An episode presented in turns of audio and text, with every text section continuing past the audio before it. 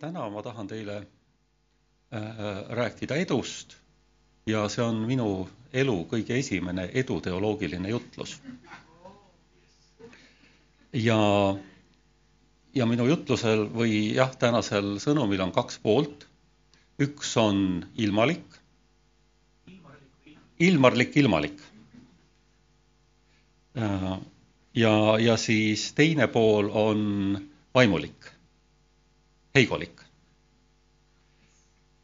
ja, ja esimeses pooles ma toetun ühele raamatule, mille pildi võib-olla siia võib siis ka ette, ette manada, on üks äh, autor, Malcolm Gladwell, kes on väga põhjalikult uurinud seda, kuidas inimesed erinevates eluvaldkondades on saanud edukaks, tõusnud kõrgemale märgatavalt kõrgemale tavapärasest ja see outliers, see tähendabki seda, et nad on silmapaistvad, nad on justkui eraldunud sellest tavapärasest tasemest.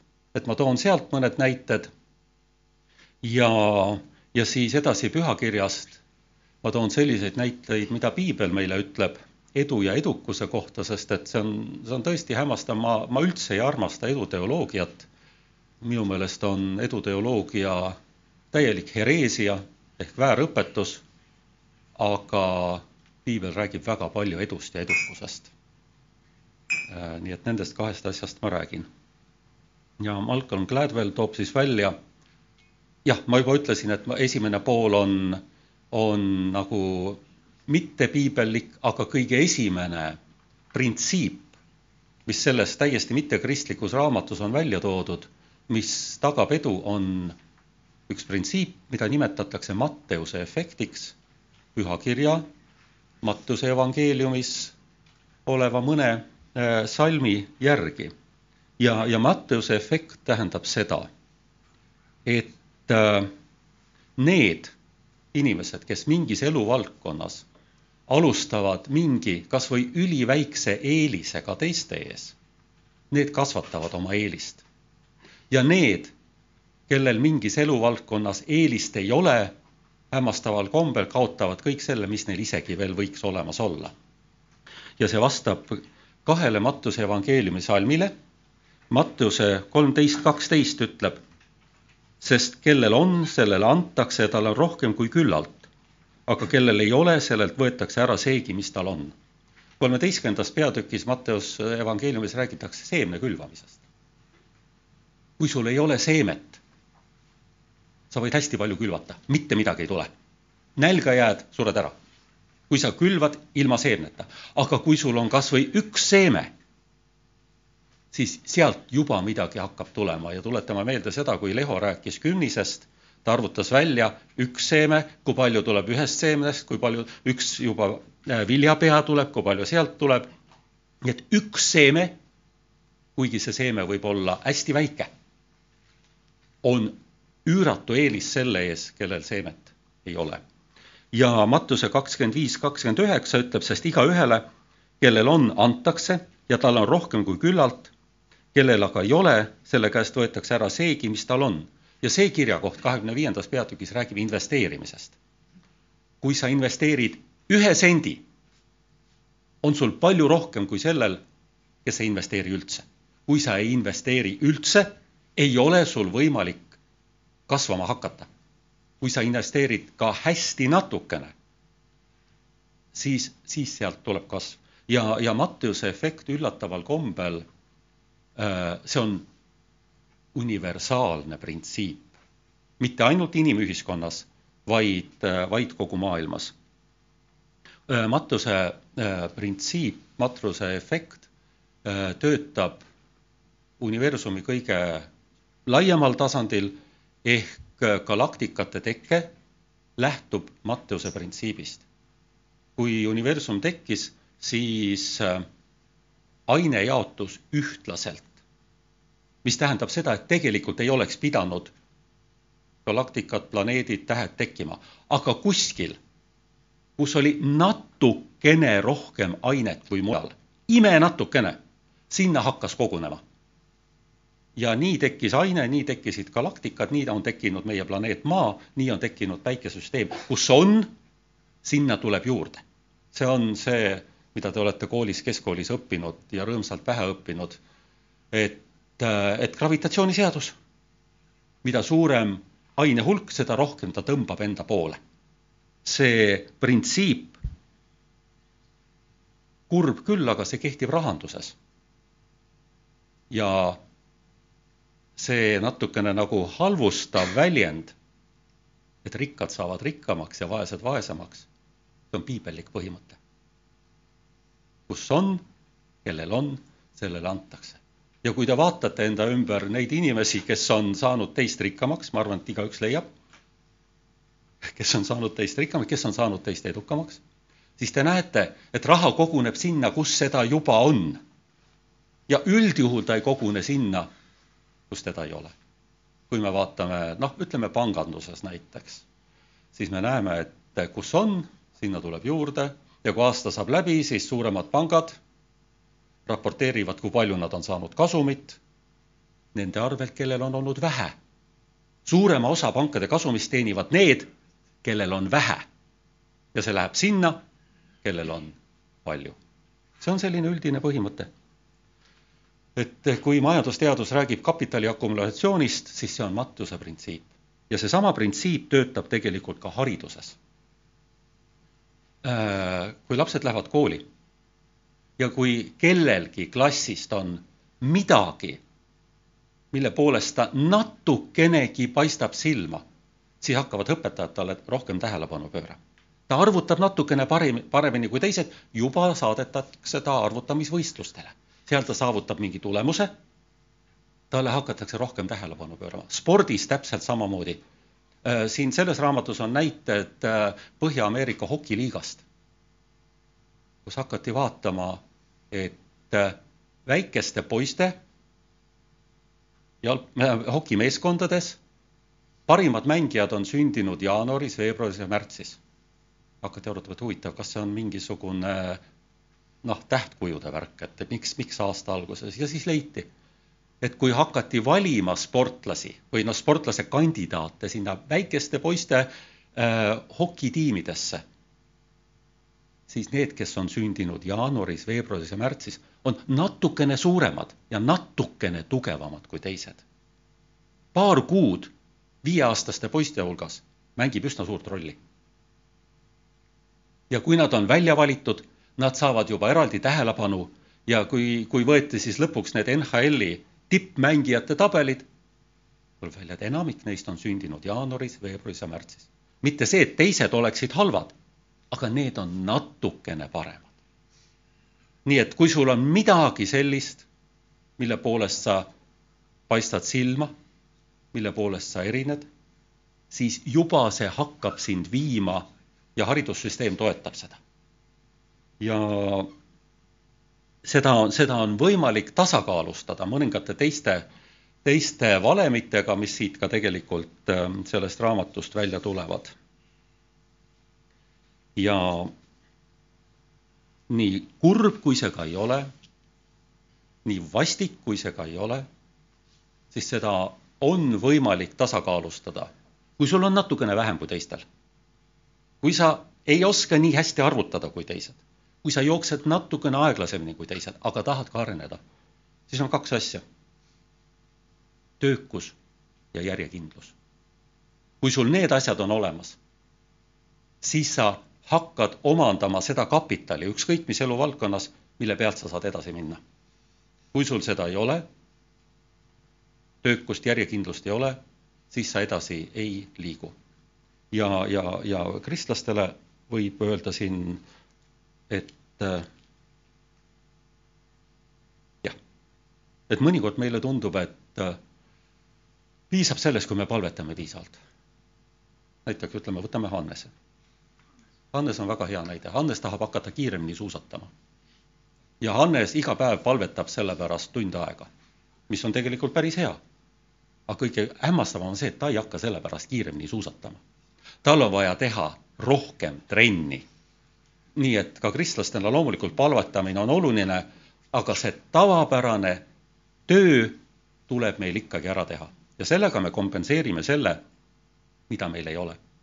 ja, ja iga iga keskmine inimene on võimeline, kui ta on füüsiliselt terve, mingil spordialal arenema no ütleme noh, Eesti mõttes Eesti, Eesti tippu, mitte võib-olla maailma tippu, aga saavutama väga häid tulemusi töökuse ja järjekindlusega.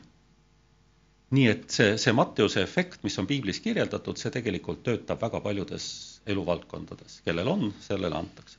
teine põhimõte, mille see autor välja toob, on, on see, millest me siin võib-olla mõnikord oleme isegi rääkinud, see on kümne tuhande tunni põhimõte äh,. igas eluvaldkonnas meisterlikkuse saavutamiseks ei ole vaja rohkem ega vähem, kui järjekindlalt teha kümme tuhat tundi pühendunud tööd selles valdkonnas. ükskõik, mis teemat see puudutab, kas äh, äh, kirjandust äh,, muusikat, sporti, ettevõtlust ja selles raamatus on väga huvitavad näited, näiteks Berliini filharmoonia äh, viiulimängijatest, kes on maailma tipus. ja on leitud, et selleks ajaks, kui nad on läinud konservatooriumist ja ülikooli, nad peavad teistest rohkem silma paistma, nad on umbes kümme tuhat tundi harjutanud, enne kui nad hakkavad nii-öelda tippu jõudma. see kümme tuhat tundi on lihtsalt see vundament, mida on vaja ansambel The Beatles on toodud näiteks, te olete kuulnud, see on üsna kuulus popansambel oli, ühel hetkel nad said kuulsaks. Ja siis hakati uurima, mis eelnes sellele, kui nad said kuulsaks. Nad käisid aastaid, kui keegi ei teadnud Beatlesitest mitte midagi. Nad käisid aastaid Hamburgi klubides mängimas, kuude kaupa seitse-kaheksa tundi ööpäevas, lihtsalt mängisid, tegid tuima tööd ja selleks ajaks, kui nad hakkasid kuulsaks saama, olid nad umbes kümme tuhat tundi tuimatrenni teinud ja siis nad tulid ja vallutasid maailma ja, ja vist on Beatlesid siiani enim müünud äh, ansambel maailmas. Bill Gates, mõned armastavad teda nende väikepehmete programmide pärast, mõned ei armasta. Aga tuleb välja, et selleks ajaks, kui noh, räägitakse sellest, et Bill Gates läks garaaži ja, ja hakkas seal programmeerima, selleks ajaks, kui Bill Gates läks garaaži ja hakkas Microsofti tegema, oli ta umbes kümme tuhat tundi tegelenud programmeerimisega, millega ta alustas kolmeteistkümne aastaselt, kui tema vanemad ostsid talle arvuti, esimese arvuti. ta alustas kolmeteistkümne aastasena ja ta, ta töötas või noh, tegutses sisuliselt arvuti kõvakettana, ta oli arvuti külge naelutatud. ta sellega ainult tegeleski, vahepeal käis söömas. ja, ja kui ta hakkas saama kahekümne aastaseks, siis selleks ajaks oli tal see kümne tuhande tunnine vundament juba olemas. tähendab, ta valdas seda teemat nii hästi, kui sel ajal oli, oli võimalik vallata. nii et see ei ole, see ei ole mitte lihtsalt nii-öelda kingitus helesinisest taevast, Steve Jobsist on täpselt samasugune lugu, kuidas tema lood on, seal taga on veel äh, palju juhuseid. aga, aga hästi oluline roll on sellel tööl. siis, kui meie hulgas on lapsevanemaid, siis väga tihtipeale noh, vanemad mõtlevad, et kuidas minu laps saaks edukaks, kas mu laps on tark, kas ta on piisavalt, piisavalt hea ja siis te olete kuulnud sellisest äh, tähepaarist nagu IQ, et, et, et, et mõõdetakse. Ja et kas see IQ siis võimaldab tal edu saavutada. ja, ja selles raamatus on väga hästi esile toodud see, et IQ on oluline, aga see ei ole määrav. oluline on see, et kui sul on vähemalt keskmine IQ, aga sa ei pea olema öö, äh, oma intelligentsi poolest geenius selleks, et saavutada ülihäid, häid tulemusi.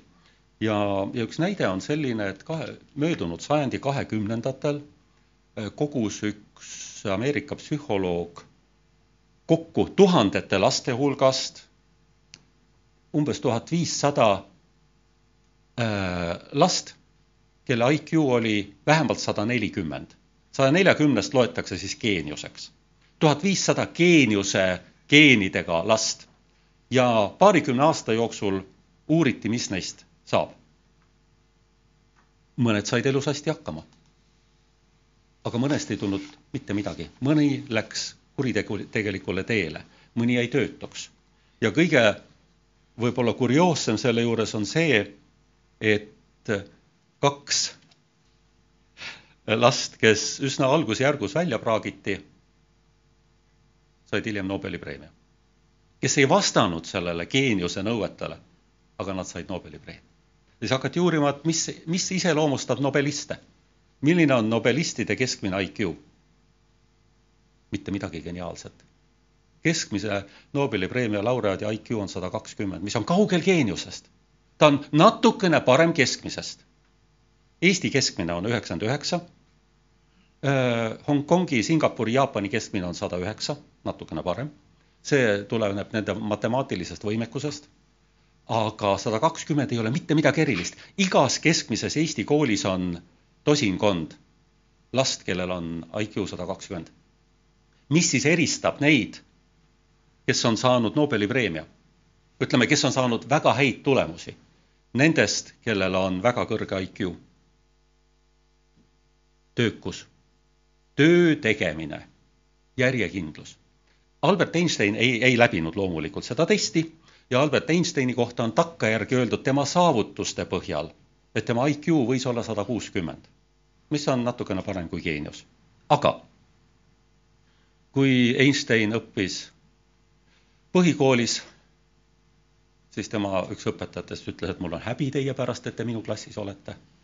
ja kui ta lõpetas ülikooli füüsikaõpetajana, siis teda ei võetud tööle, sest teda peeti liiga halvaks õpetajaks. Ja, ja, ja tegelikult äh, õpingute ajal tema IQ ei, ei paistnud üldse välja. see, mis talle andis selle tulemuse, oli töökus, ta võttis ühe teema, ta tegeles sellega kümme aastat. pärast seda kümnet, kümmet aastat tuli avastus. siis ta võttis järgmise teema, tegeles sellega kümme aastat ja siis tuli avastus. nii et IQ on väga hea asi, see on tore, kui su laps oskab hästi vara juba hästi lugeda, kirjutada ja mõelda, aga järjekindlus on, on, on olulisem. ja, ja on leitud, et üks asi, mis annab sulle IQ testist välja palju parema võimaluse hinnata seda, mis sinu lapsest saab, see test tehti, millest ma nüüd räägin, kolme kuni viieaastaste lastega ja kui kolme kuni viieaastase, aastane laps teeb sellise otsuse, nagu selles test, test näitab, siis, siis näitab, et sinu lapsest võib midagi väga head tulla. Ja seda testi nimetatakse vahukommi testiks. Äh, see viidi läbi esimest korda tuhande üheksasaja seitsmekümne teisel aastal Stanfordi ülikoolis, võeti kolmkümmend kuus äh, kolme kuni viie aastast last ja anti neile valida. hästi lihtne asi, mitte midagi keerulist kas üks komm praegu või kaks kommi natukese aja pärast. ongi kõik. Need lapsed, kes olid valmis ootama, et saada natukese aja pärast kaks kommi, nende elukaar näitas, et nad olid elus järjekindlamad, nad saavutasid paremaid tulemusi, nende elukvaliteet oli parem, neil oli parem suhtlusvõrgustik. Nad saavutasid elu elus palju rohkem edu kui need, kes tahtsid kohe ühe kommi saada. nii et tehke lastelastega, lastega vahukommitest või noh, mis neile, mis neile meeldib. kui pikk see aeg peab olema? Äh, seal oli viieteist minutist paaritunnini. aga, aga lü suhteliselt lühike aeg, mitte kaks nädalat. et seda, seda, seda vahet laps ei taju lihtsalt selline täiesti hoomatav, lapse jaoks hoomatav taju, kuule, kui su laps peab veerand tundi ootama järgmist kommi, ta ei suuda seda. kusjuures see komm pani ta ette, et ta võis iga jah, jah. ei olnud niimoodi, et noh, et ma annan sulle kahekümne pärast, ta oli tema ees kogu aeg niimoodi. Nii et- koerale. Jah, ja, ja kas koer saab Nobeli preemia kunagi? et äh, ja, ja, ja veel üks väga huvitav näide. noh, matemaatika on suhteliselt raske õppeaine. ja, ja, ja paljud testid näitavad, et matemaatilist võimekust ei näita mitte see, kui hästi sa arvutada oskad, vaid see, kui kannatlik ja järjekindel sa oled ma seda testi ei hakka kirjeldama, aga, aga ühe- ühesõnaga võib öelda niiviisi, et kui sa oled tugev matemaatikas, siis suure tõenäosusega oled sa kannatlik ja järjekindel. ja, ja see, see test viidi läbi riikide üleselt. millistes riikides on järjekindlad ja kannatlikud inimesed, kes saavad, saavutavad rohkem ja millistes ei ole järjekindlad ja kõige järjekindlamad inimesed maailmas on Hongkongis, Jaapanis, Lõuna-Koreas. mis näitab seda, et ja, ja sellel on kultuuriline taust. ja kultuuri taust on see, et ajalooliselt laua katmiseks on nendes riikides, kuna nad kasvatavad riisi, on vaja olnud teha väga palju tööd. palju rohkem tööd kui näiteks Eestis toidu kasvatamiseks. nii et kultuuriliselt need inimesed, kes on harjunud väga palju tööd tegema, on maailma ulatuses ka matemaatiliselt võimekamad. ja kui Eestis on räägitud üsna palju PISA testidest ja me oleme uhked, et me oleme PISA testides maailmas noh, peaaegu et esikohal, siis on üks väga huvitav asi, mis eristab PISA testides väga kõrgeid tulemusi saanud riike nendest, kus on viletsamad tulemused. see on väga üllatav. see on kodudes asuvate raamaturiiulite pikkus. kui palju on kodus raamatuid? ei, ei ole vaja isegi küsida, kui palju neid loetakse, vaid kui pikad on need raamatud, sest kui nad on olemas, siis ülimalt suure tõenäosusega neid loetakse. nii et äh, kui palju sul on kodus raamatuid selle järgi võivad vanemad otsustada, mida, mis nende lastest tuleb, kui on palju raamatuid, siis tõenäoliselt nad jõuavad elus kaugele. see on, see on ülimalt suur tõenäosus. ja äh, edu saavutamine äh, haridusvaldkonnas ja üldse elus on, ei ole seotud mitte niivõrd selle üheksa kuuga, kui lapsed käivad koolis vaid selle kolme kuuga, kui on koolivaheaeg. ja jällegi uuriti Ameerika Ühendriikides äh, peresid, mis olid, kes olid väga rikkad ja kus oli lastele võimalik anda suvel harivaid tegevusi, saata laagrisse, viia neid raamatukogudesse ja siis vaesemad pered, kus lapsed pidid suviti tööd tegema.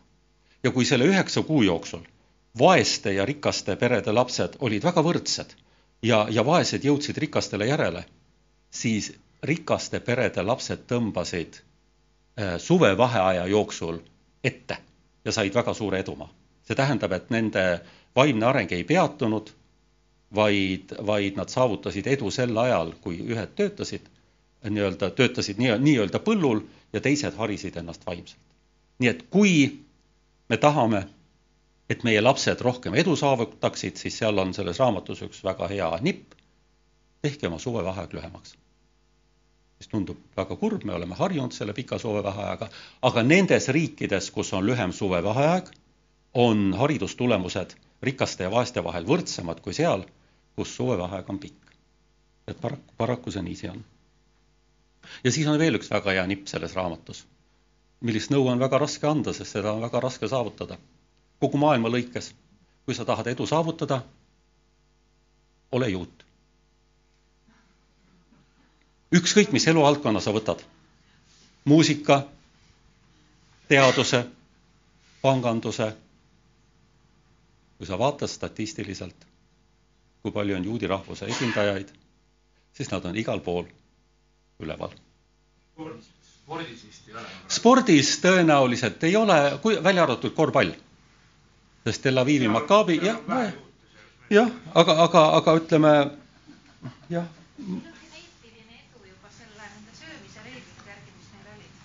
jah, noh, kas see on geneetiline, on see kultuuriline, seda ma ei oska öelda, aga, aga ütleme. Ameeri-, jah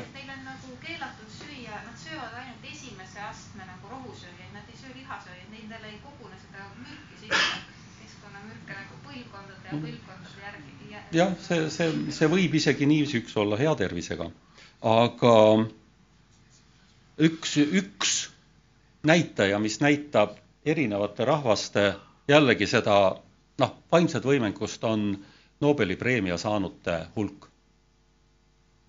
ja üldse on siis ajaloos, neid antakse välja eelmise sajandi algusest, on saanud Nobeli preemia, ma arvutasin need kokku, üheksasada seitsekümmend viis inimest. see on siis tippude tipp.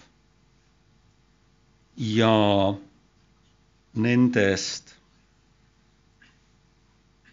kakskümmend kaks protsenti on saanud juudi rahvusest inimesi. üle viiendiku. maailmas on tuhandeid, tuhandeid rahvaid, kakssada riiki. Iisrael riigina on saanud kolmteist Nobeli preemiat, aga ennekõike on siis tegemist juudi rahvusest inimestega, kes on erinevates, erinevates riikides. nii et ähm, ole juut ja suure tõenäosusega sa saad, saavutad panganduses, teaduses, muusikas, mis iganes muus eluvaldkonnas edu, välja arvatud võib-olla siis jah, spordis. mis sa selle all mõtled, ole juut? kuidas? juudi rahvus, juudi rahvusest. olla? Ei saa, ei saa, see oli, see oli niiviisi öeldud. jah, aga lihtsalt, et uuringud näitavad ja, ja ma toon mõned näited. Bob Dylan. Nobel, Nobeli kirjanduspreemia, mida ta alguses ei tahtnud jah saada. aga, aga mõned nimed, kes meile meenutavad seda rahvust, aga mõned, kes isegi ei meenuta, aga kes on juudi päritolu. Larry Ellison, tarkvarafirma Oracle kaasasutaja, sada kuusteist miljardit on tema väärtus. Sergei Brin, Google'i kaasasutaja, sada neliteist miljardit. Larry Page, üks Google'i kaasasutajatest, kaheksakümmend neli miljardit. no Mark Zuckerberg, eks ole ju, kaheksakümmend neli miljardit praegu. Michael Bloomberg, kaheksakümmend kaks miljardit. nii et tegelikult ütleme, nii IT-maailma kui ka noh, pangandust ma ei hakanud siia üldse toomagi. et äh, paraku see, paraku see nii on. Nii et äh, need on nüüd sellised noh, nii-öelda maailma näited, kuidas edu saavutada ja, ja selle maailma näidete põhisõnum on see, et mis iganes, mida iganes sa, kuidas laulus oli, mis iial ette võtad sa, on nii see jah, ühes laulus öeldakse nii see äh,. kui sa oled püsiv ja järjekindel ja teed nii nagu härra Maurus ütles vist Indrekule, et Eesti poiss peab õppima nagu hull. minu vanem poeg, kes õppis Glasgow's, ütles, et ma pean vist õppima hakkama nagu hiinlased, muidu ma ei jõua mitte kuskile. hiinlased õpivad hullumeelselt. kui sa õpid niiviisi ja kui sa pühendad selle kümme tuhat tundi, mis on siis umbes kümme aastat kolm tundi päevas või kolm aastat kümme tundi päevas või kolmkümmend aastat üks tund päevas pühendunult midagi teha et siis sa saavutad, saavutad edu. ja, ja nüüd me lähme pühakirja juurde. ja, ja pühakiri räägib väga palju edust. seal on kasutatud ühte sellist mõistet nagu õnnistus. ja, ja õnnistus, kui sa ütled äh, kirikust väljaspool olevale inimesele õnnistus, siis on selline tunne, et ta on mingisugune äh, noh, vanatädi, kes on just armulaual käinud ja veinikese ära joonud ja on nagu õnnistatud olekus ja siis on rõõmus ja naeratab ja aga õnnistus tähendab seda, et sa oled edukas. et sul läheb hästi, et, et Jumal on sinuga. ja, ja õnnistus on üks Jumala tõotusi.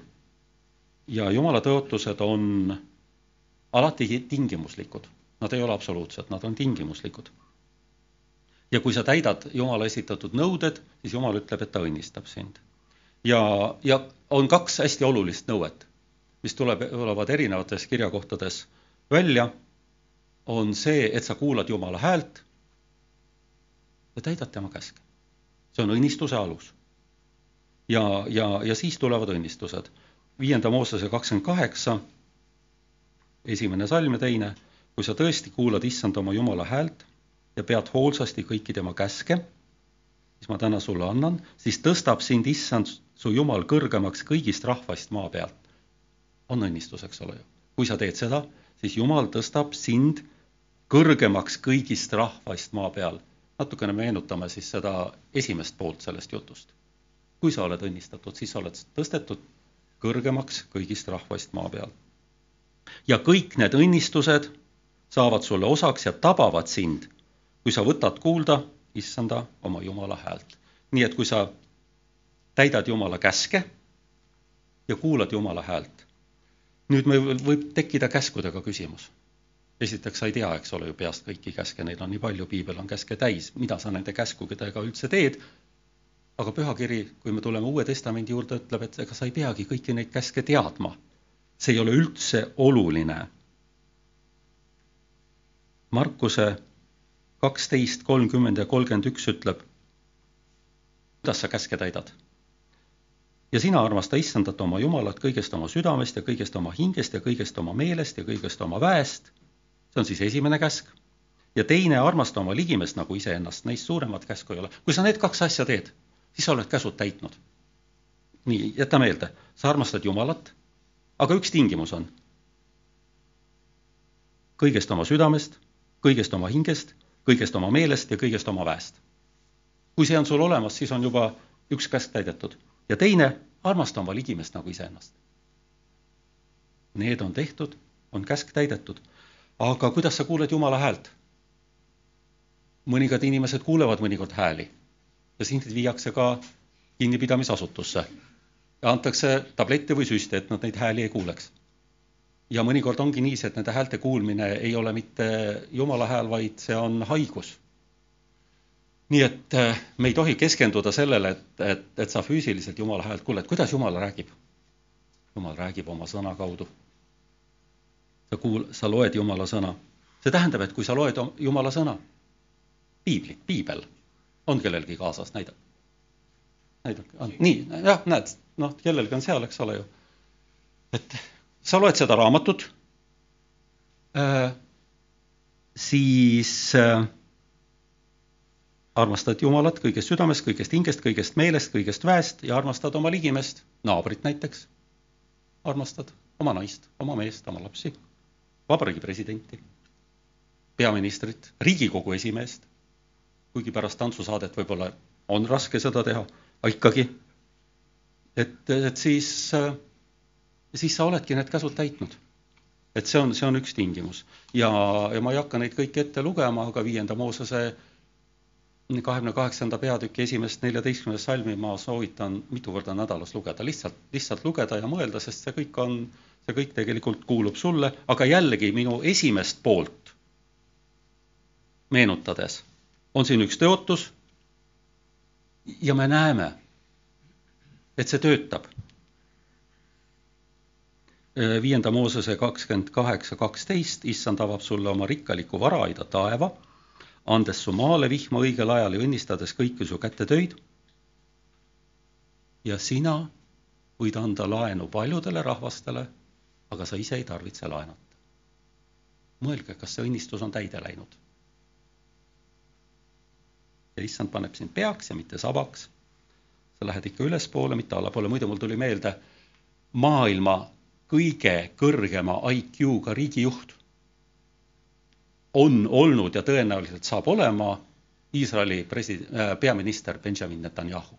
tema IQ on sada kaheksakümmend, mis natukene jääb maha äh, Goethe ja Newtoni IQ-st. aga ainult natukene, paarkümmend punkti. aga on ta siis korruptant? Äh, seda otsustab kohus kui sa jumal oled kohtunik, kas see annab ka mõne selle IQ? ei anna, see IQ ei ole nakkav. pudenik ka? ei, ei, ei pudene. ja, ja, ja mida ma soovitan veel lugeda, viienda Moosese kolmkümmend. Äh, ma ei hakka seda ette lugema, aga sealt tuleb jällegi viienda Moosese kolmkümmend kaheksandast salmist. lugege kindlasti ja vaadake, millised tingimused seal on, seal Jumal ütleb, et, et sa otsid jälle Jehovat ja sul on sellest kasu. jumal ütleb, sellest on sulle kasu. Ja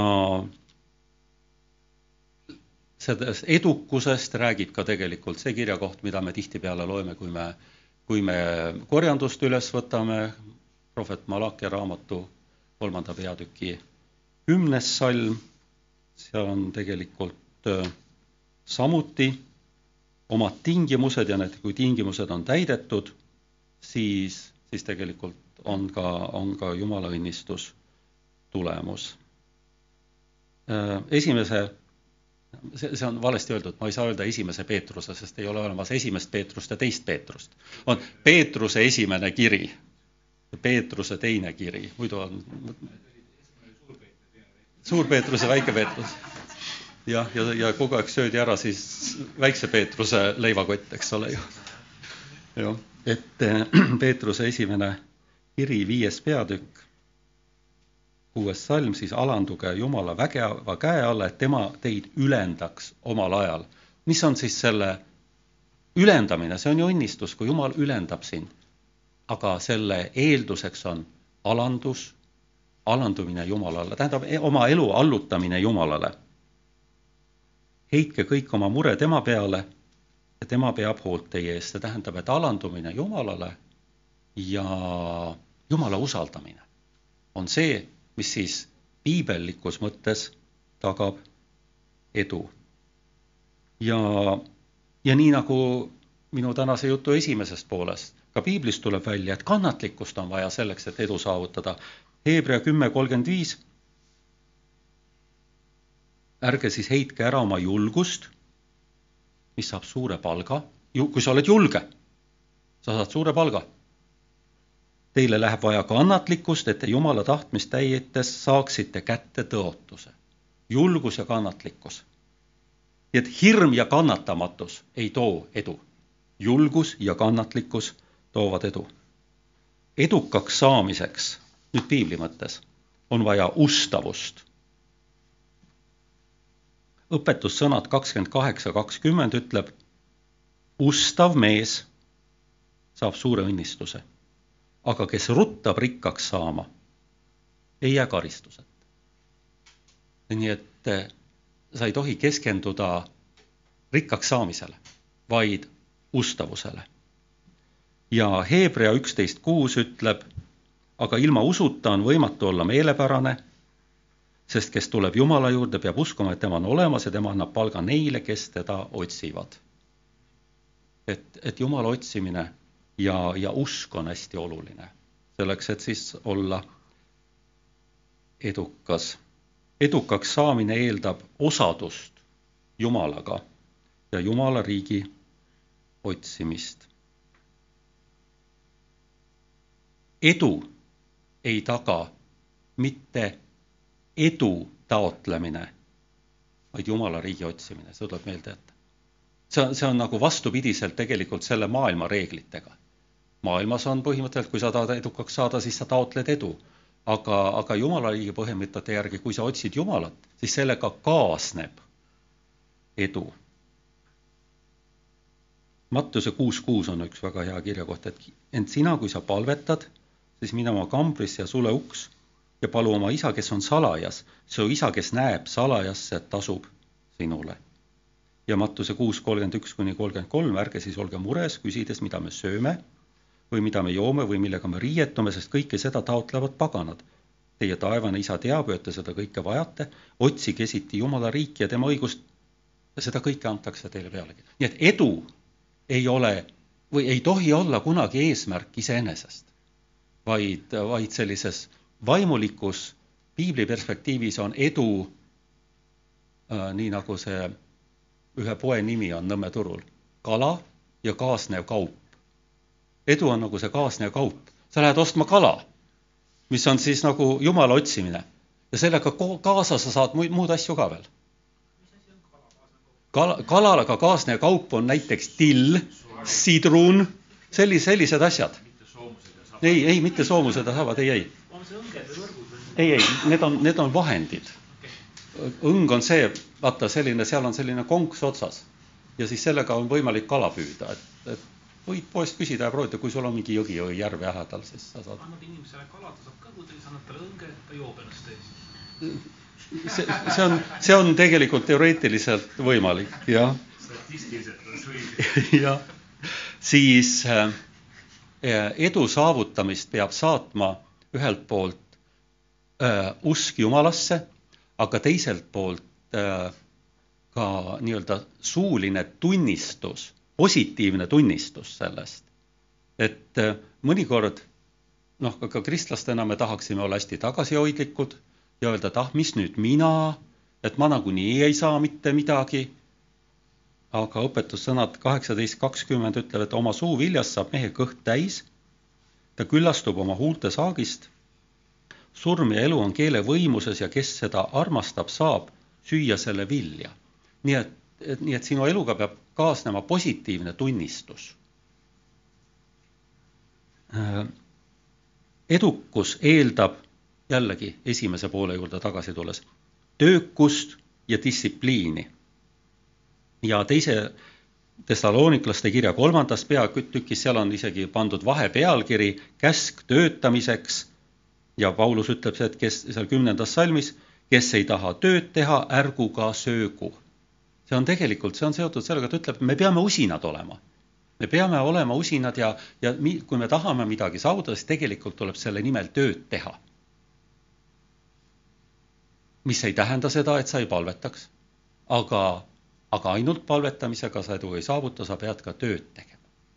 kui sa mäletad, Vanas Testamendis, kui Jumal andis noh, näiteks Joosuale andis ülesande minna võtta Jeeriko linn ära siis ei piisanud ainult sellest, et nad palvetasid ja pasunad puhusid, vaid nad pidid ka selle vallutama, päriselt vallutama. et nad, jumal ütles, ma annan selle teie kätte, aga tegelikult nemad pidid selle ära võtma. Kaananimaa vallutamine täpselt samamoodi, jumal ütles, ma annan selle teie kätte, aga nad pidid ikkagi minema. et, et see, see töö tegemine on tegelikult hästi oluline. ja ja, ja, ja mitu kirja kohta on siis piiblis sellest, millest me oleme ka tegelikult rääkinud ja millest siis see Matteuse efekt räägib, leia üles oma talent. mis on sinu talent ja kui sa oled leidnud, ära mata seda maha, vaid, vaid kauple sellega, investeeri. ja see puudutab mitte ainult raha, investeerimine ei ole mit, mitte ainult raha, vaid, vaid tegelikult on see, et sa kasutad seda oma talenti, et sa paljundad seda, et sa, et sa suurendad seda ja, ja hästi oluline, mis tuleb välja ka piibli kontekstis, on töö kvaliteet. see, kuidas sa asju teed, isegi sellisel juhul, kui teised inimesed ei näe, mida sa teed. et, et jumal tegelikult noh, ütleme teiste sõnadega ütleb, et kui sul on mingi töö, siis ära käkerda seda lihtsalt niisama kokku, vaid tee korralikult. Kolossa kolm seitseteist ütleb.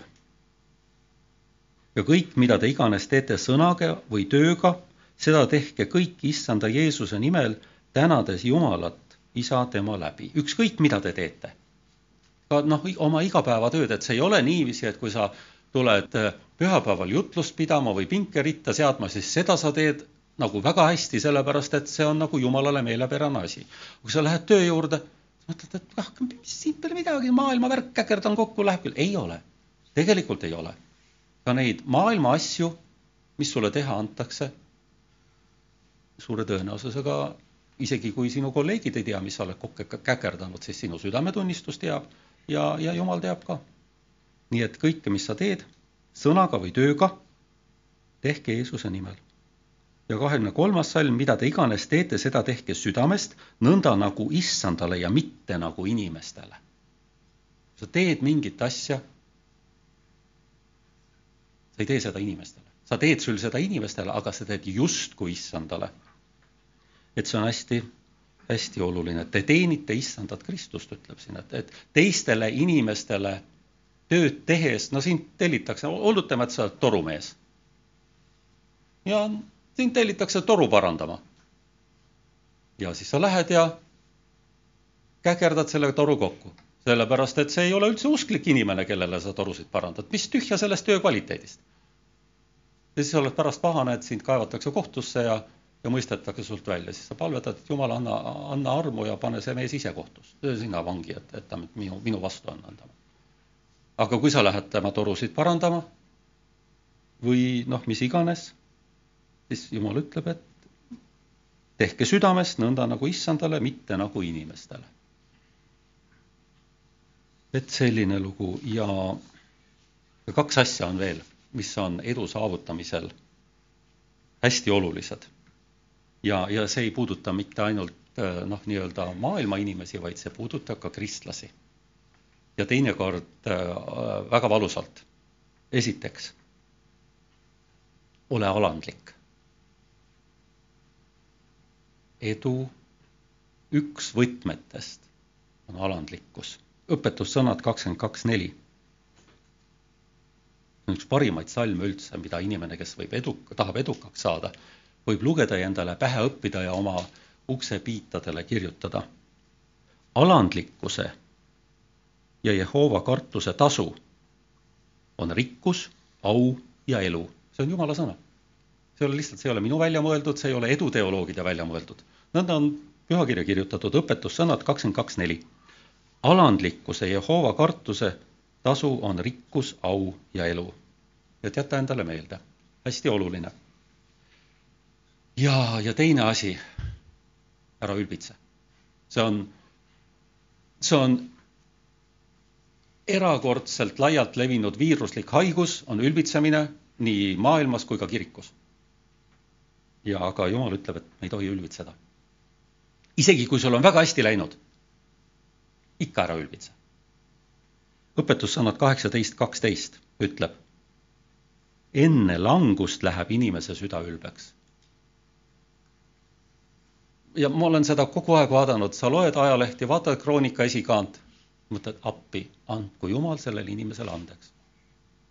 sa näed, sa näed, et nii kui ta hakkab nagu sinna võib niisama ka sattuda, nii et sa ei ole ülbe, et sa ei ülbitse, aga kui sa, kui sa selles oma ülbitsemise laines sinna satud, on sa, oled sa ükskõik kes, poliitik, kristlane, kirikujuht, mis iganes, ärimees, kui sa ülbitsedes satud kuskile pjedestaalile, siis kui me tunneme neid piibli põhimõtteid, me näeme, et varsti, varsti kukub, ei ole mitte midagi teha, kukub.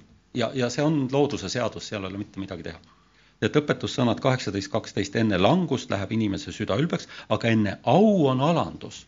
ja see on ka hästi oluline, et kui sa tahad edu saavutada, aga sulle tundub, et sa, sa pead nagu alanduses käima, see on kõige parem koht üldse olla.